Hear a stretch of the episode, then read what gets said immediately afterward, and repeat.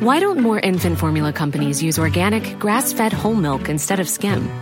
Why don't more infant formula companies use the latest breast milk science? Why don't more infant formula companies run their own clinical trials? Why don't more infant formula companies use more of the proteins found in breast milk? Why don't more infant formula companies have their own factories instead of outsourcing their manufacturing? We wondered the same thing. So we made ByHeart, a better formula for formula. Learn more at byheart.com. Hans Petter og Co. presenteres av Check-in, sannsynligvis Norges beste påmelding og billettsystem som forenkler hverdagen for deg som arrangerer seminarer, konferanser og andre eventer. Les mer om Check-in på checkin.no slash Hans Petter.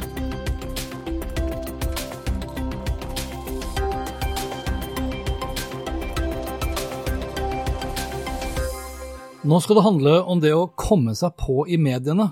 Om det å lykkes med media, som Mina Gerhardsen kaller det i sin siste bok. Denne gangen så er det altså PR og kommunikasjon det skal handle om. For det blir ikke enklere å komme seg på i mediene. Tvert imot, antallet journalister blir stadig færre, selv om vi også leser og hører om ansettelser i mediebransjen. Kampen om oppmerksomheten blir stadig tøffere, og journalistene blir stadig mer kresne på hva det er de vil skrive om og dekke som sådan. Derfor har jeg denne gangen valgt å ta frem en tidligere samtale, en tidligere episode, som da jeg nettopp møtte Mina Gerhardsen for å snakke om hva som må til for å lykkes med media hva man bør tenke på, hvordan man bør tenke, og hvorvidt det er meningsløst f.eks. å skrive pressemeldinger nå som journalistene helst vil ha sakene sine eksklusivt. Mina har bakgrunn som journalist i Dagbladet. Hun var politisk rådgiver for statsminister Jens Stoltenberg mellom 2005 og 2009, og var statssekretær ved statsministerens kontor frem til regjeringsskiftet i 2013. Hun har jobbet i Kulturdepartementet, vært kommunikasjonsdirektør i Norad, og er nå ansatt som generalsekretær i Nasjonalforeningen for folkehelsen. Og så er hun forfatter av bøkene Å lykkes med taler og lykkes med media, som jeg har nevnt allerede et par ganger. Første spørsmål som jeg stilte henne, var egentlig veldig mange spørsmål, som f.eks. om det at krig selger bedre enn fred, at hat selger bedre enn kjærlighet, og om en kjendis alltid vil funke hvis alt annet feiler. God fornøyelse. Det er jo sånn at uh, problemer er bedre enn løsninger for å komme på. Altså Å rase over noe som er vondt og vanskelig, ja. gir deg mer spalteplass til vanlig. Så finnes det en liten kvote for gladnyheter uh, innimellom. Men uh, for å komme på, så er det beste å finne et problem, se på, peke på en konflikt. Så bør du helst ha en løsning også. Men det som åpner døra for deg inn i studio, er jo at det er noe som er problem. Men du, du, som bedrift vil jo ikke liksom, du vil jo ikke lage en sak som er negativ i utgangspunktet. Så hvordan skal du skaffe deg da liksom For det skriver du litt Du skriver ganske mye om det i boken din. Ja. Hvordan du skal gå frem da for å få medienes oppmerksomhet. For å nå publikummet ditt. Du kan jo vise til et samfunnsproblem som du er en del av løsningen på. Ja. Eller hvordan eh, virkemiddelapparatet hindrer gode løsninger. Så Hvis du har en bedrift som for jobber med å få til gode ting på miljø, og så er, er ikke mottaksapparatet der, sånn at du får forvirkeliggjort viktige ting som kan gjøre en forskjell. Ja. Så det er sånne muligheter man har. Jeg jobber med bistand til hverdags. Ja. Der handler det jo veldig stor grad om Vi må bruke problemene for å komme på med løsningene. For det er de forteller om hva, hvor mange som er fattige, hvor mange som ikke får gå på skole, hvor mange jenter som opplever eh, kjønnslemlesting. Og så er jo tillegget hva vi gjør Eh, fra, Norges side for å gjøre noe med dette problemet. Så det er jo Inngangen er jo ofte å finne fram fakta og tall på det vanskelige, og så er det jo helst å kunne bidra til en løsning. Hvordan skaper du den nærheten eh, gjennom, gjennom den problemløsningen da? Kraften i en sak blir jo større hvis folk eh, føler at dette er stort og viktig og angår meg. Så det er jo å se etter om du har en knagg i saken din som gjør at dette kan bety noe for folk. Ja. At det ikke er en teknisk løsning eller eh, noe som blir veldig nisjeprega. Men det å leite etter konsekvensen, og da er det jo sånn tommelfingerregel at jo større konsekvens, og jo flere den betyr noe for, jo større mediesak. Ja, riktig. Så hvis du har en liten sak som betyr, eller betyr lite for få, ja. så er det vanskelig å få påklag. Ja, ikke sant? Unntaket er hvis det berører grupper som mange er opptatt av, selv om de ikke er berørt selv. Hvis du for eksempel, hvis jeg er på sykehus, da, når de skal få trusler om budsjettkutt, så sier de alltid at dette går utover de hjertesyke barna. Og det er fordi at alle, De skjønner at alle syns det er veldig vondt hvis eh, tilbudet til hjertesyke barn blir berørt. Det er mye mer, treffer oss mye bedre enn uh, vedlikeholdsbudsjettet, som få føler for. Du sa det at eh, det er vanskelig å få på en sak hvis det er få som kan føle seg direkte berørt. Ofte så føler jeg jo at liksom, La oss si at du har NSB, eller Vy, da. Ja. Eller ja, la oss si NSB Vy, som da kan lage en sånn gladsak om at ni av ti tilfeller så går toget i rute. Så skriver kanskje mediene om det ene tilfellet hvor det ikke går i rute. Eller når eh, statsministeren legger fram statsbudsjettet og 99% får det bedre, så leiter jo mediene fram til liksom hun ene eller den ene familien nærmest som får det dårligere. Hvorfor er det sånn? Det er liksom mekanismen. Ja. Og eksempelet med statsbudsjettet er jo veldig relevant. For det, det, er jo på et vis den aller, aller viktigste nyheten for landet vårt i året. Det er det som skal styre resten. Ja. Eh, eh, hvordan alt fungerer, ligger jo i statsbudsjettet omtrent. Og likevel er ikke det nok til at man kommer på den dagen. Så det, de må jo lekke i forkant for å få på gladsaker. Så det er jo massive ja. lekkasjer fra regjeringsapparatet ukene før. For da har du en sjanse, hvis du sitter på en unik hemmelighet, ja. så kan media være med å lage gladsak. og, og, da får du bare plussene og ikke kuttene. Sånn at den blir litt sånn eh, enklere positiv. Men uh, på dagen når selve budsjettet kommer, da er det jo bare jakt etter kutt og, og kjipe saker. Men det du sier der, det er at da må, da må, man jo som en kommunikasjonsdirektør eller informasjonsdirektør, sjef, hva det måtte være, du må jo ha ganske nære relasjoner til de journalistene for at du skal kunne liksom posisjonere det ut slik du ønsker, må du ikke det? Du må i hvert fall skjønne mekanismene. Ja. Jeg har sittet og vært eh, statssekretær i Kulturdepartementet, hvor i budsjettet så er det ganske mange små poster. Og Da visste jeg at de var sjanseløse til å nå opp på medieflatene den, den dagen det ble offentlig. Så da ga vi ut i små drypp og tenkte ok, hvor kan vi plassere denne saken? Hvem er opptatt av dette, denne kulturstøtta? Så det var jo å dele opp og gi ut eh, for å få mest mulig plassering for noe som ikke ville fått plass på en eh, fellesdag. Er det, er det derfor du har skrevet den boken her, og lykkes med det? At du føler at uh, du skylder, du skylder liksom andre bedrifter å lære mer, eller syns det er urettferdig overfor uh, bedrifter at journalister sjalter som de gjør? Altså, hva var motivasjonen bak boken? Det er, det er ikke å få balanse i forhold til journalisten. okay. Ja, For du har jo jobbet som journalist før. Det har jeg også. Er, de, er journalistene sure på deg nå? Da stiller jeg to spørsmål her, men Ja, ingen som har sagt noe ennå. du, helt for å være ordentlig, så er motivasjonen min Jeg har mange år bak meg i frivillig sektor. Å se at det er så mange viktige, gode saker som aldri blir synlige. Eh, og som fortjener plass, og som vil gjøre at vi ville få antagelig bedre samfunnsløsninger hvis de sakene hadde kommet fram og politikerne måtte forholde seg til dem. Men mange av sakene kommer ikke på fordi man ikke engang tør å prøve. Eller man prøver f.eks. med en litt dårlig pressemelding og føler at jobben er gjort, eller har sendt en e-post om at det skal være et spennende seminar, og så blir kjempeskuffa over at ingen kom. Det er en del og manglende kunnskap om hvordan dette virker. Så, sånn sett kan du si at det er et eh, demokratiprosjekt, at flere skal skjønne hvordan det er mulig å komme seg på da, og få fram sakene sine. Ja. Har, det blitt, har, det blitt, vanskeligere å komme på i løpet av de siste årene? Altså med, med liksom antall journalister som har blitt uh, færre av, med enda mer, hva skal jeg si, enda mer press på det å, å nå frem i et stadig mer 24-7 nyhetsbilde? Er, er, det derfor du også skriver boken? At det har blitt annerledes, vanskeligere? Det har endra seg i hvert fall. Ja. Og en del av de sånn gratissakene som organisasjoner kunne få før, f.eks., med at det var årsmøte var en sak, de sakene finnes jo ikke lenger. Så de der rutinesakene, eh, ny leder i laget, de kommer ikke av seg sjøl. Så det må gjøres mer aktiv jobbing. Samtidig så er det jo dessverre sånn at færre journalister som skal fylle flere flater, gir et større rom for å selge seg inn og få på sin vri, mm. uten motstemmer. Og så er det jo, Som tidligere journalist syns jeg det er trist å se det presset de er under, de kollegaene som er igjen. altså Hvor, hvor mange ting de skal produsere på kort tid, og hvor lite rom de gir for å, å, ringe andre og fylle ut sakene sine. Så jeg blir jo skikkelig glad jeg, de gangene noen har ringt flere kilder enn de jeg har levert inn. Eh, så at her er det faktisk blitt noen som har vært interessert nok til å gjøre det. Og Du hadde jo veldig gode eksempler i boken din også på tilfeller hvor man kanskje da ikke har verifisert f.eks. kilder, eller verifisert ja. fakta, eller det som tilsynelatende ja. var fakta. At det blir dårlig arbeid fordi man har så dårlig tid. Ja. Det kan glippe sånn, ja. Eh, og det er synd. og det, det er Derfor er det så viktig når du som avsender at du alle kildene dine kan ettergås. Fordi at uh, Hvis noen skal stå ansvarlig for at noen ble feil, skal det i hvert fall ikke være deg. Nei, da bør det være journalisten. Men det har jo ofte vist seg altså, hvis, du, hvis du kommer ut feil, og det blir et sånn dementi etterpå, mm. så får ikke det dementiet så veldig stor oppmerksomhet. Nei. Så jeg, jeg, pleier å si at man må vurdere verdien av å kreve rettelse. Ja.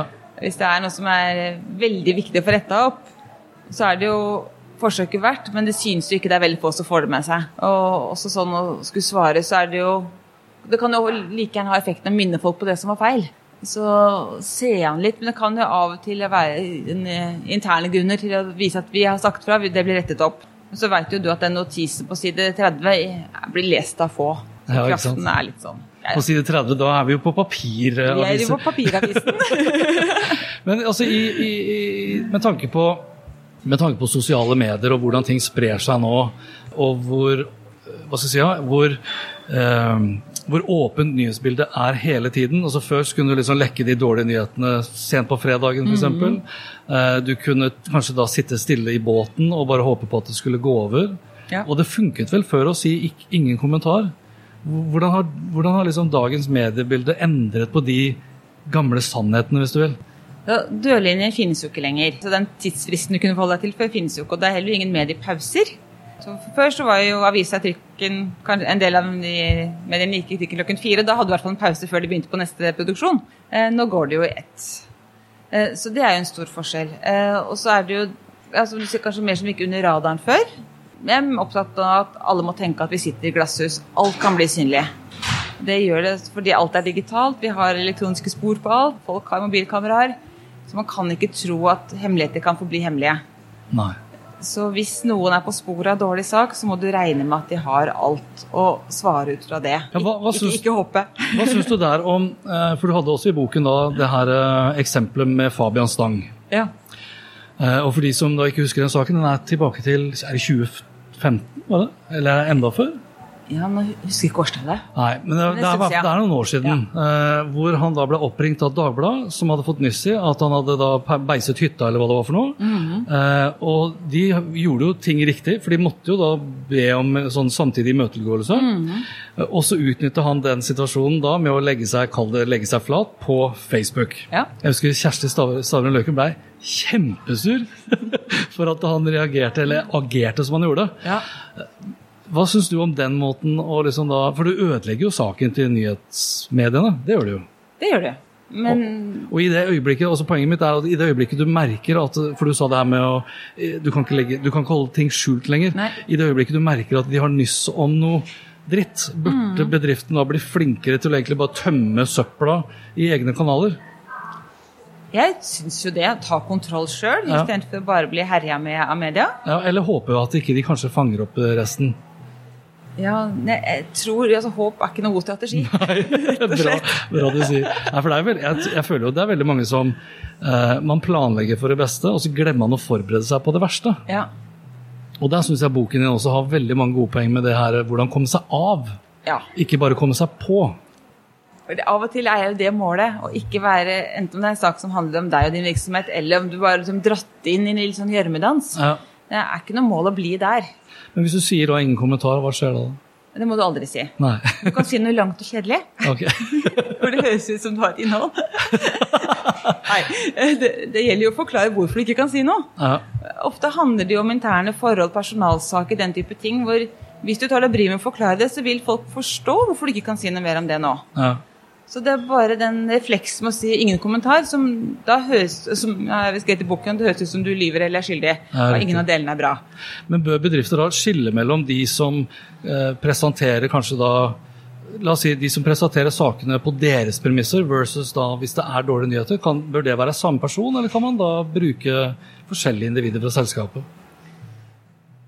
Ofte er det jo virksomheter såpass små at man har gjerne kanskje én talsmann, ja. eller talsperson, eller eh, om det er lederen eller kommunikasjonsansvarlig.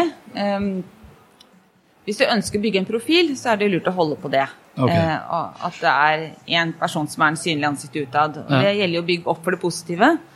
Når det er de negative sakene, uh, da må man vurdere om det er riktig å vinne den negative saken til talspersonens ansikt. Ja. Ja. for jeg ser ofte det med større virksomheter. Så er det liksom en eller annen direktør som forteller om liksom, eh, nok et nytt produkt eller ny ansettelse ja. eller ny milepæl. Og når det liksom, the shit hits the fan, så er det en eller annen kommunikasjonsrådgiver eller konsulent som er ute. Ikke sant? Det, det er, så det er ikke tilfeldig? Det er ikke tilfeldig. Det ser man jo veldig godt i regjeringsapparatet. Der har man en veldig klar arbeidsdeling. God sak er statsråden. Ja. Litt vanskelig sak er statssekretæren. Og hvis politiske rådgivere er på, ja. da er det skikkelig dårlig sak eller sommerferie. Ja, okay. Fordi de snakker ikke i utgangspunktet. Nei, for de her statsrådene vil, de, de er sånn snorklippere. Det er det de Man vil helst, helst ha de på de gode. Ja. Samme med partimålinger. Da jeg jobbet i politikk, så hadde partilederen de gode og partisekretæren de dårlige. Det må være kjipt å være partisekretær. Burde du egentlig få mer lønn? Burde ikke det? Bare jobbe med de kjipe sakene? Det er litt jobben. Jeg er kommunikasjonsdirektør nå. Vi er jo samme deling. Direktøren er de gode, og er det dårlige saker, så er det meg. Hvordan, hvordan, bygger man seg opp liksom som en profil nå i dag? Da? Er det liksom bare å sende ut pressemeldinger på pressemelding på pressemelding, eller er det sosiale medier? eller Hva, hva ville du tipse liksom bedrifter i dag som ikke har sin si, fair share av eh, ja. mediedekningen? Jeg har veldig lite tro på pressemelding. Jeg ja. hører noen fortsatt si at det virker, men min erfaring er at det er den beste måten å ikke få omtale på. Hvorfor er det sånn? Uh, det ene er jo at det er fellessak. Eh, veldig få medier ønsker å ha fellessakene. Hvis du skal ha, skal ha på trykk det alle andre har, så kan du hente det fra NTB. Ja. Det gir ikke mening å lage en sak på en pressemelding som alle har fått. Okay. Så det er det kravet om eksklusivitet det er det ene. Ja. Det andre er at pressemeldinger ofte er laget på en måte som er relativt kjedelig. Eh, ja. det er jo litt sånn reklamesjølskryt eh, ja. på det. Så hvis han vil ha på saker, så er det jo laget ordentlig innsak til ett medie av gangen og tilpasse hva som er deres målgruppe, og hvilke temaer de er opptatt av, og hvilken form de foretrekker.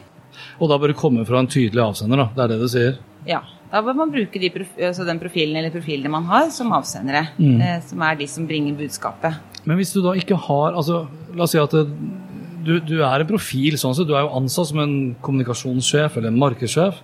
Men du er ukjent eh, for journalisten. Mm. Så hjelper ikke at du har skrevet en god kronikk, gjør det da? Vil, og, og, du tilbyr eksklusivitet hvis du er totalt ukjent? Da må saken være interessant. Eh, det er klart at Hvis du har skrevet en skikkelig god kronikk om et spennende tema, ja. så er jo ikke tittelen din avgjørende. Okay. inn, innhold hjelper. Så journalisten vil se forbi det at du er ukjent da, mener du? Ja, hvis innholdet bærer. Ja. At det er problemstilling nettopp som, som, betyr noe for noen, som er interessant for flere. Hvor det er litt, eh, kanskje litt spenning i saken så, så, er det ikke avgjørende at du har et kjent navn. Ok. Det, altså, det er bare Nå er jeg nysgjerrig, for da går, da går ja. jeg på papiravis igjen. Ja. Noen ganger så er jo saken veldig liten, men bildet er ekstremt stort mm -hmm. av vedkommende. Ja. Er det fordi uh, saken er dårlig, men vedkommende er kjent, eller er det fordi vedkommende er ukjent? Altså, er, Gjør journalisten noen sånne vurderinger? Eller har det bare med hvor mye plass du har i avisa den dagen? Even on a budget Quality is non-negotiable. That's why Quince is the place to score high-end essentials at 50 to 80% less than similar brands. Get your hands on buttery soft cashmere sweaters from just 60 bucks, Italian leather jackets, and so much more. And the best part about Quince, they exclusively partner with factories committed to safe, ethical, and responsible manufacturing. Elevate your style without the elevated price tag with Quince. Go to quince.com slash upgrade for free shipping and 365-day returns. My business used to be weighed down by the complexities of in person payments. Then, Tap to Pay on iPhone and Stripe came along and changed everything. With Tap to Pay on iPhone and Stripe, I streamlined my payment process effortlessly. Now I can accept in person, contactless payments right from my iPhone. No extra hardware required. What's truly remarkable is how I can cater to all of my customers' payment preferences. Whether they're using cards, Apple Pay, or other digital wallets, Tap to Pay on iPhone and Stripe ensure a smooth checkout experience every time. And it's not just me. Stripe helps businesses of all sizes, from local markets to global retailers, scale quickly and stay agile. To learn how Tap to Pay on iPhone and Stripe can help grow your revenue and reach, visit stripe.com/tapiphone. hvor ofte det har med hvor fint bildet er. Det, er, det er erfaringen. De skal jo være visuelt attraktivt produkt. Ja. Eh, og Det er derfor det er så lurt å prøve å få til en fotoavtale i et til intervjuet. At det ikke bare blir det gamle arkivbildet. Og Hvis det tas et skikkelig fint bilde, ja. så kan saken gå fra en eh, halvside til en tosider. Hvis det er, ja, som var litt kreativt og bra.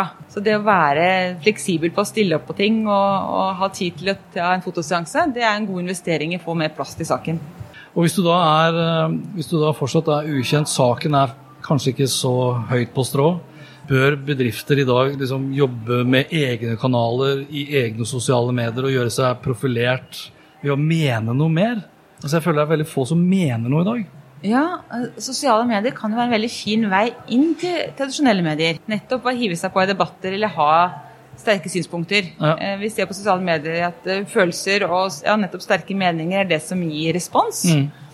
Er det jo enten Hvis du er eh, kjent nok sjøl, så kan jo det å, å, ha et kraftfullt innlegg få deg på direkte. Vi ser jo relativt hyppig at media henter ting fra Facebook-innlegg. Veldig ofte. Ja. Så det er jo en vei inn. Og hvis du ikke er kjent, eh, så er det jo kanskje å melde seg på da, med å finne de som er sentrale aktører i saken, og kommentere på deres innlegg, eh, på Twitter, eller ja, blande seg inn i saken og tagge journalister som jobber med dette vise at du er på, og at du har en posisjon som gjør at du er interessant. Selv om du foreløpig ikke er kjent. Ja, ikke sant? Si. For det er jo sånn du blir kjent, da. Ja. Du må jo starte et eller annet sted. Altså Før så kunne man jo husker Da jeg jobbet i GK, og, og for så vidt var, Vi hadde jo sosiale medier, men det var kanskje ikke like utbredt. Så var det ofte sånn, Da hadde vi ofte en strategi om at uh, hvis vi ikke fikk på de store avisene, mm. Så kunne vi prøve å få på de små avisene. Og hvis de små avisene da liksom brukte saken, og det skapte engasjement i sosiale medier, så var det lettere å få på de store. Ja. Var det, var det, en grei strategi da? Ja, liksom teste ut. Uh, ja. ja. for det, Hvis du har fått mye respons på saker lokalt, så kan det godt hende at de store da blir deg interessert også. Ja, for da vil de kapitalisere på det, liksom? Ja. I dag så, er det kanskje, så holder det kanskje bare med sosiale medier alene? eller? Det er ikke sikkert du trenger å gå via lokalavisa, men, eh, det, men det er jo med å vise at dette er interessant for flere ja. at også lokalavisa har laget saken, så det kan være en fin bonus. Men også er det det når du først har kommet på, da. Og ta den effekten etterpå, så det ikke bare får komme inn, men også bruke det videre med å dele i sosiale medier. Fortelle om saken fra ja, f.eks. direktørens profil. Vise at vi er interessante, vi har kommet på trykk. Eller på lufta, eller hvor du nå er på. Så det å også vise at andre er interessert i det vi har å si, ved å dele i sosiale medier etterkant, er veldig viktig. Og igjen etablere seg som en interessant aktør og stemme. Men har alle bedrifter noe, noe fornuftig å mene? Altså, Er alle bedrifter like spennende? Liksom? De er jo ikke det. De er jo ikke det. Eh, og man må jo også vurdere om eh, er synlighet viktig for oss. Ja. For det, det, må jo være et, et, mål bak. Synlighet i seg selv har ikke verdi. Det er for å oppnå et eller annet. Om det er politisk påvirkning eller flere medlemmer eller økt interesse for produkter eller så du må jo først tenke hva er det vi skal, og så må du se på virkemidlene. Og kanskje er det e-postliste du trenger, ikke forsida i Aftenposten. Ja. Så det, den avgjørelsen må du eller må vi vurdere hva er det vi har å melde, hva er, det, hva er det vi ønsker å oppnå med dette. Og det er også sånn taktisk hvis du jobber politisk med en sak. Eh, så er det ikke sikkert den største avisa er den viktigste å være i, men du må treffe den som når dine lokale politikere eller eh, gjengen på Stortinget. Ja. Da kan jo de meningsbærende avisene være vel så gode som de største. Så det å tenke hvem skal jeg nå med hvilke virkemiddel for å få til hva, ja. må ligge til grunn. Hvorfor? Hvorfor? Det er jo i dag, Jeg syns det er veldig mange i dag som fortsatt, er, altså fortsatt ikke har kommet lenger enn at de måler antall presseklipp. Ja. Altså det, er, det, ligger en del penger i potten for Retriever f.eks., gjør det ikke det? Ja. Er ikke det ganske meningsløst å bare sitte og telle presseklipp? Det er en helt meningsløs øvelse. For det sier jo ikke noe om det er saker med innhold som er det du vil ha fram, eh, om det er positivt for deg. Du kan jo like gjerne være negativ i sakene. Om du er hovedaktør eller om du tilfeldigvis er nevnt i faktaboksen. Eh, om det handler om noen i ja, bedriften din som har bursdag, eller om det er faktisk noe som er viktig. Mm. Så det har gått over til jeg har vært til å, at vi teller ikke. Vi ser på retrieverklippene, men eh, egeninitierte saker. Når er det vi har lyktes med å sette vår agenda? For det er de medietellingen som betyr noe for etter hva vi skal se på på måloppnåelsen vår. Ja, okay. Har vi klart å få på saker? Eh, og hvor mange, og hvilken kraft har de fått? Har de spredd seg? Da føler jeg for å måle effekten av mediearbeidet vårt, at det er det som gir mening å se på. Burde man da liksom kjøre, altså Kombinert med en økt innsats eh, for å komme på i mediene, bør man da kanskje i forkant også ha kjørt en type undersøkelse for å finne ut liksom hvor kjent er merkevaren, hvilke forhold har man til merkevaren? som en slags nullpunktsanalyse, og så måle liksom arbeidet opp imot nye sånne type undersøkelser, eller? Hvis man er stor nok og har råd til det, så er det alltid kjekt å ha. Ja. Eh, mange Ja, Det koster jo ikke så mye lenger heller, gjør det det? De gjør ikke det, men eh, for en del organisasjoner og virksomheter så er jo det en kanskje større investering. Så man må se hvor, hvor viktig er det å ha nullpunktet, og hvor viktig er det, eller kan vi telle fra nå og si at dette, dette er det vi ønsker å oppnå, eller dette klarte vi i fjor, dette ja. vil vi klare i år og måle sånn ut, ut, fra det, da. Hvis en bedrift har En bedrift har et formål. Ja. Kan jo si at okay, vårt formål er at vi skal gjøre verden til et bedre sted, men hvis ikke du tjener penger liksom, til syvende og sist, så er, jo, så er jo ikke bedriften levedyktig. Nei. Så fremst ikke du bare får skuffa penger inn fra det offentlige. da. Ja. Men, men, så du må jo måle all den innsatsen du gjør. Ja. Og da skal du jo gjerne se det ned på kroner og øre. da. Ja. Og de kronene og ørene kan jo da knyttes opp imot uh, kommunikasjonsarbeid du gjør for å heve kjennskapen til virksomheten, kunnskapen om hva du driver med, mm. holdningene dine, og handling, som du sier. Altså at man har gjort noe konkret. Ja. Hva er din følelse av hvor norske bedrifter jevnt over står liksom, sånn strategisk når det kommer til kommunikasjon inn mot mediene? Mitt inntrykk er at det er veldig mye nettopp telling av klipp, uten å vurdere verdi av hvilke klipp som betyr noe, ja. eller hvilke medietreff som betyr noe. Eh, og at det er et eh, ønske om synlighet uten helt å ha en tanke om hvorfor og hvordan og hva. Så jeg tror det er relativt umoden mange steder. Mm. Og, og, også litt gammeldags med nettopp pressemeldingen. Vi har noe viktig å si, vi må lage pressemelding. Eh, eller at forventer, jeg får sånne mailer om at det skal være seminar, kan vi få presse på det? Nei, skriver jeg. Okay. Men kommer det noen nyheter der, kommer det ja. noen spesielt spennende mennesker, så kan vi kanskje få. Men seminar er ikke sak.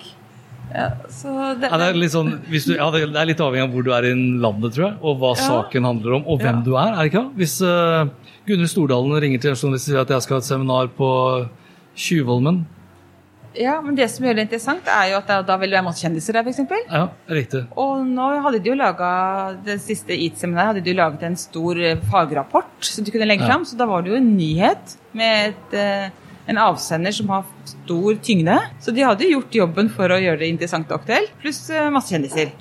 Så de bruker jo medietriksene. Ja. Det holder ikke at Gunhild Stordalen uh, syns at noe er viktig. Hun må faktisk gjøre jobben med innpakking, hun òg. Han sa vel han godeste Petter Stordalen, i og med at vi er inne på Stordalen ja. nå, for nå åpna jo han da The Hub for ikke så lenge siden. Ja. Og han sa jo at eh, han måtte jo altså Du får jo ikke nødvendigvis hele Medie-Norge etter deg. Eller VGTV var det spesifikt på jakt etter. Ja. Du får ikke VGTV til å dekke eventet ditt live bare fordi du åpner et nytt hotell. Nei. Derfor ziplina han. Ikke sant. Men er det ditt råd til alle andre?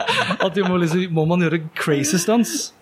I hvert fall la seg inspirere, om ikke kopiere Petter Stordalen. okay. men, men det å være kreativ. Ja. For det er jo det å ta tak i det rommet, der, hvordan kan du få på de viktige, ordentlige sakene dine? Ja. Så kan du jo gå nyhetsveien ved å legge fram gode rapporter og tall og ha fagpersoner. Eller så kan du finne på noe morsomt. Eh, og begge veier kan være gode for å få den ønskede synligheten og resultatet. Det er jo tryggere, Jeg tror mange føler at det er tryggere å skrive pressemelding. Ja. Er det ikke det? For da er liksom, det er ganske Da er det full kontroll? Ja, og så er det, det, er, det er ganske formelt. Det er forholdsvis upersonlig. Det eneste personlige og det uformelle som blandes inn der, er kanskje et sitat. Men det er ganske trygt. Ja. Mens det da å utlevere seg sjøl, skrive en kronikk, være liksom en tydelig avsender med tydelige meninger f.eks., er ganske skummelt. Mm.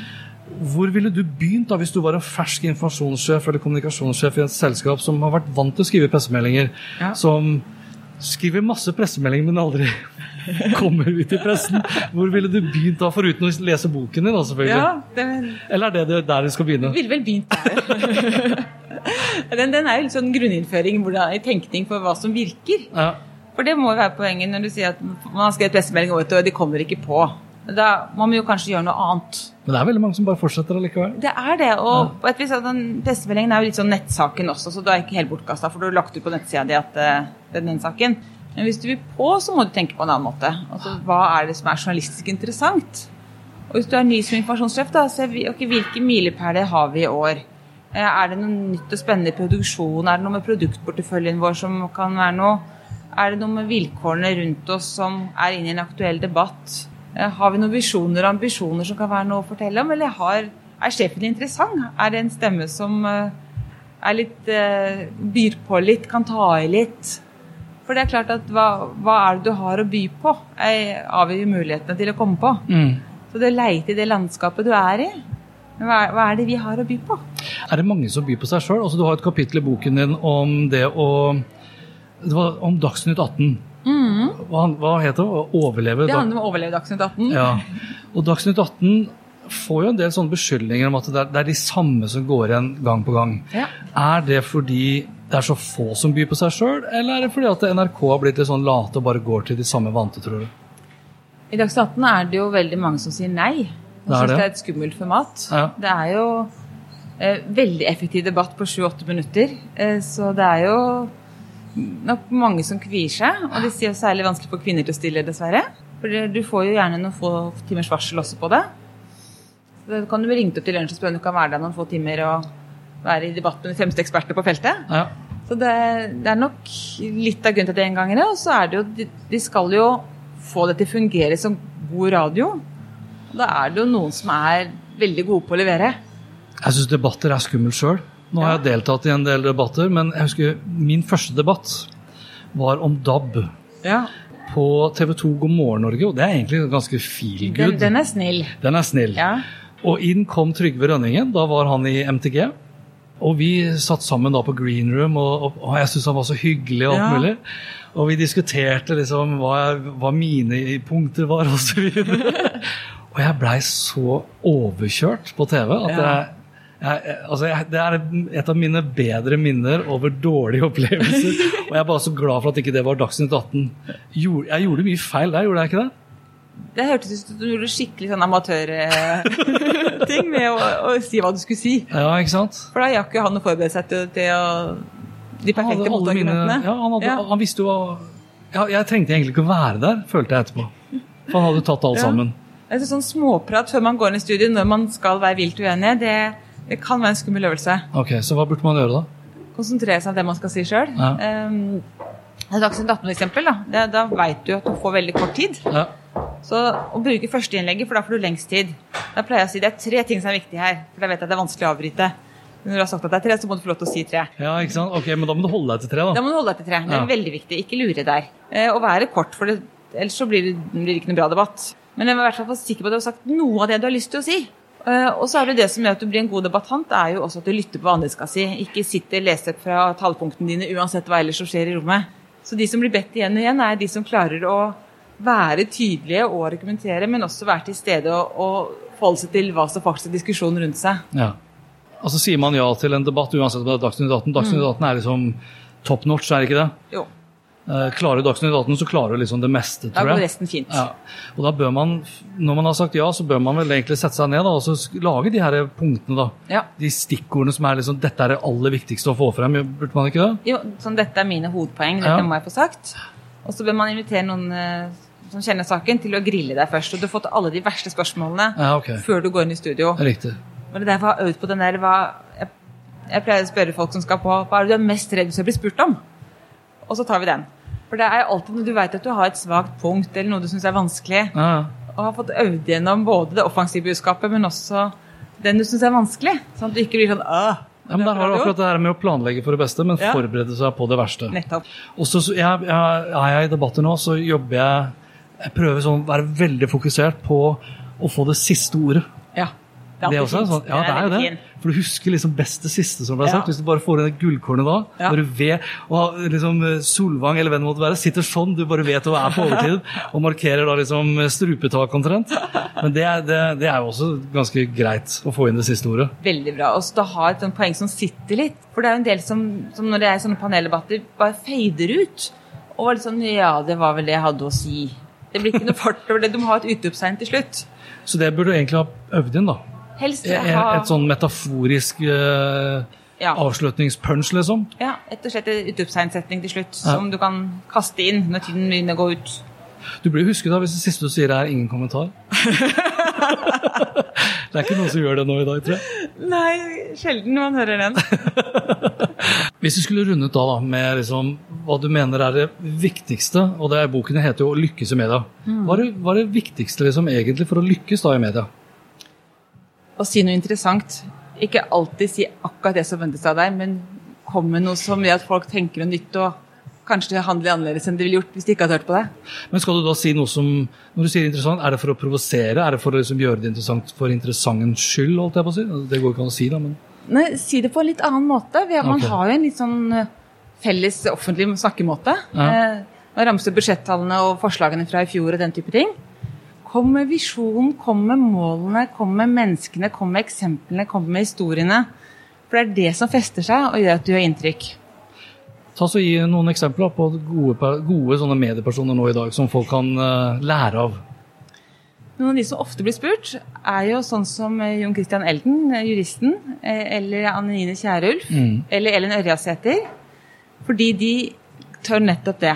De tør å by på, de er faglig trygge nok til å kommentere også utenfor akkurat deres område. Og de sier nesten alltid noe interessant som er verdt å lytte til. Hans Petter og Co. presenteres av Check-in, sannsynligvis Norges beste påmelding og billettsystem som forenkler hverdagen for deg som arrangerer seminarer, konferanser og andre eventer. Les mer om Check-in på checkin.no slash Hans Petter. My business used to be weighed down by the complexities of in-person payments. Then, Tap to Pay on iPhone and Stripe came along and changed everything. With Tap to Pay on iPhone and Stripe, I streamlined my payment process effortlessly. Now I can accept in person, contactless payments right from my iPhone. No extra hardware required. What's truly remarkable is how I can cater to all of my customers' payment preferences. Whether they're using cards, Apple Pay, or other digital wallets, Tap to Pay on iPhone and Stripe ensure a smooth checkout experience every time. And it's not just me. Stripe helps businesses of all sizes, from local markets to global retailers, scale quickly and stay agile. To learn how Tap to Pay on iPhone and Stripe can help grow your revenue and reach, visit stripe.com slash tap iPhone. Why don't more infant formula companies use organic, grass-fed whole milk instead of skim? Why don't more infant formula companies use the latest breast milk science? Why don't more infant formula companies run their own clinical trials? Why don't more infant formula companies use more of the proteins found in breast milk? Why don't more infant formula companies have their own factories instead of outsourcing their manufacturing? We wondered the same thing. So we made ByHeart, a better formula for formula. Learn more at byheart.com.